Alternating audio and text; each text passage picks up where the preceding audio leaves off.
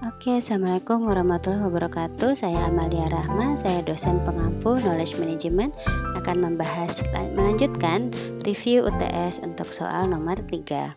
Jadi soalnya adalah jelaskan apa yang Anda pahami pada setiap komponen siklus knowledge management. Mungkin saya jelaskan sedikit. Ini siklus, siklus ya. Siklus ada lima tahapan. Nah, kemudian uh, kalau kita translate saja bisa gitu ya, tapi yang diminta adalah bagaimana jika dipetakan setiap hal-hal ini di kehidupan pribadi kita atau di kampus atau di pekerjaan. Gitu ya. Maksud soalnya apa? Maksud soalnya adalah agar tidak hanya berhenti sampai teori saja, tapi mampu kita refleksikan ke kehidupan sehari-hari. Nah, untuk knowledge creating, knowledge creation itu kan e, seperti yang soal sebelumnya Seci jadi Seci ini uh, untuk menjelaskan knowledge creation, makanya berbicaranya mengenai tacit knowledge dan explicit knowledge. Nanti di sini uh, jika ada yang jawab knowledge creation itu bla bla bla boleh, tapi boleh dikasih contoh sedikit. Uh, yang mau dilakukan itu tacit ke eksplisit atau eksplisit ke tacit atau yang lainnya kayak gitu ya. Jadi boleh ambil contoh satu-satu dari si uh, keempat siklus Seci tadi. Kayak gitu. Kemudian yang berikutnya knowledge sharing. Knowledge sharing di sini ada sosial dan technical. Sosial itu hubungannya adalah bagaimana kita sharing knowledge dan technical adalah bagaimana alat pendukung atau teknologi dapat kita gunakan untuk sharing knowledge. Mungkin ini tidak sulit karena setiap hari kita pakai WhatsApp, forum, um, mungkin dengan video conference dan lain-lain untuk technical.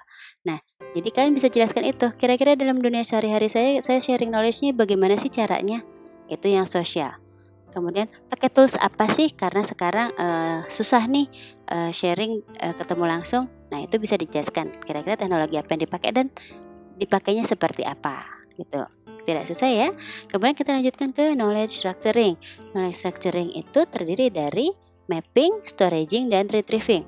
Yang perlu sebenarnya uh, intinya hanya satu. Knowledge structuring itu apa? Kita menyimpan knowledge agar nanti mudah diambil kembali, di retrieve. Kita ketika butuh ada, ketika butuh nggak bongkar-bongkar lagi. Kita tahu ada di mana dan mudah dicari. Seperti itu intinya knowledge structuring. Jadi di sini jawaban apa pun yang membahas mengenai cara penyimpanan knowledge dalam bentuk eksplisit mungkin lebih mudah ya boleh itu.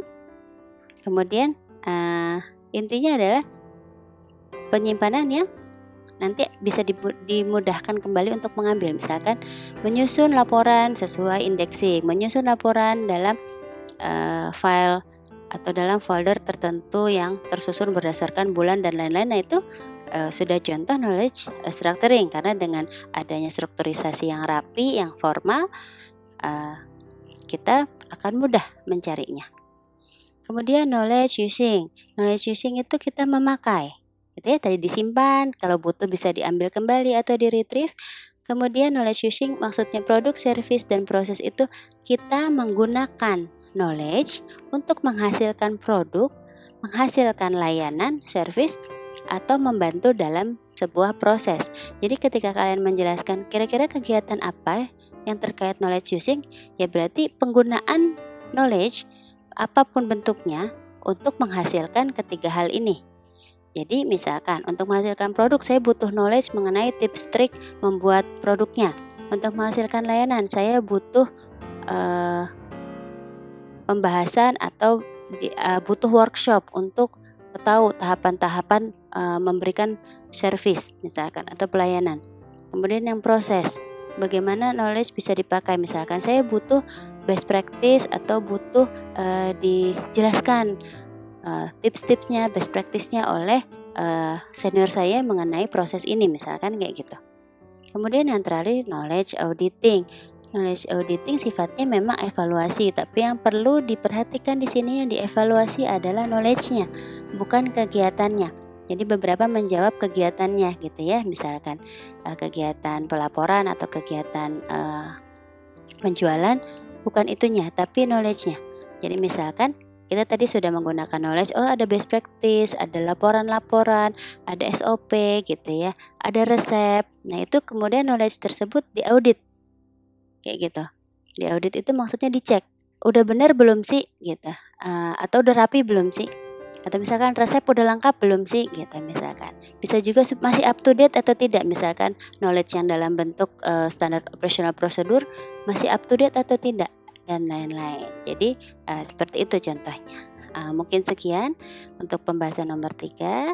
Uh, semoga dapat dipahami semoga bermanfaat. Wassalamualaikum warahmatullahi wabarakatuh